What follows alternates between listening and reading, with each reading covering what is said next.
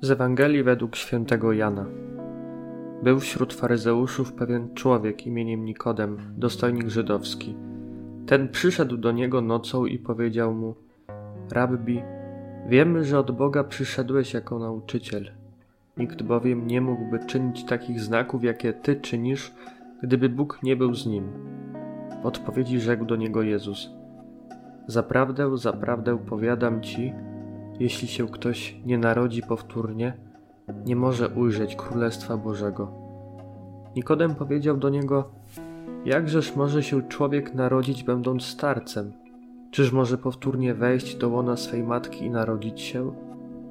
Jezus odpowiedział: Zaprawdę, zaprawdę powiadam ci, jeśli się ktoś nie narodzi z wody i z ducha, nie może wejść do Królestwa Bożego. To, co się z ciała narodziło, jest ciałem, a to, co się z ducha narodziło, jest duchem. Nie dziw się, że powiedziałem ci, trzeba wam się powtórnie narodzić. Wiatr wieje tam, gdzie chce i szum jego słyszysz, lecz nie wiesz skąd przychodzi i dokąd podąża. Tak jest z każdym, który narodził się z ducha.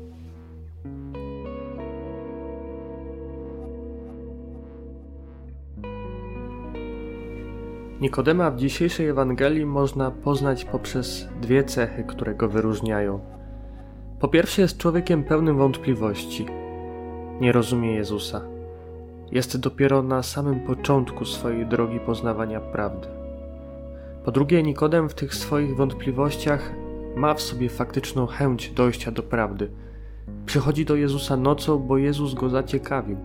Jezus go w jakiś sposób zafascynował nie widzi w Jezusie Boga, nie widzi w nim nawet Mesjasza, ale widzi w nim człowieka, z którym warto rozmawiać. To dobry znak. Żeby faktycznie spotkać się z Jezusem, nie trzeba wcale od początku być wzorowym uczniem czy chrześcijaninem. Nikt się przecież taki nie rodzi. To, co jest ogromnie ważne, to pragnienie poszukiwania prawdy i sensu w swoim życiu i chęć wejścia z Bogiem w jakiś dialog, w jakąś relację jak pisał Benedykt XVI, na początku chrześcijaństwa jest spotkanie z osobą. Z osobą, z tym, który fascynuje, porywa, nawet jeśli nie potrafimy jeszcze dobrze nazwać wszystkich swoich uczuć czy emocji. Chrześcijaństwo jest religią więzi i relacji z Bogiem, który kocha. Nie jest religią utartych schematów ani bezosobowej mantry. Jest żywe, tak jak żywa jest więź między osobą i osobą. Jezus ma dla Nikodema czas, ma dla niego dobre słowo, ma wielką cierpliwość, nawet jeżeli pytania Nikodema wydawać się mogą naiwne albo wręcz dziwne. Jezus jest taki, bo bardzo mu na Nikodemie zależy, bardzo go kocha. Dokładnie tak samo jest z nami. Jezusowi nigdy nie braknie cierpliwości, czasu ani chęci, żeby się z nami spotkać. To od nas zależy, czy właśnie w słowie, w ciszy, w modlitwie będziemy chcieli z Nim rozmawiać. Czas, który trzeba samemu znaleźć, którego trzeba poszukać regularnie, codziennie.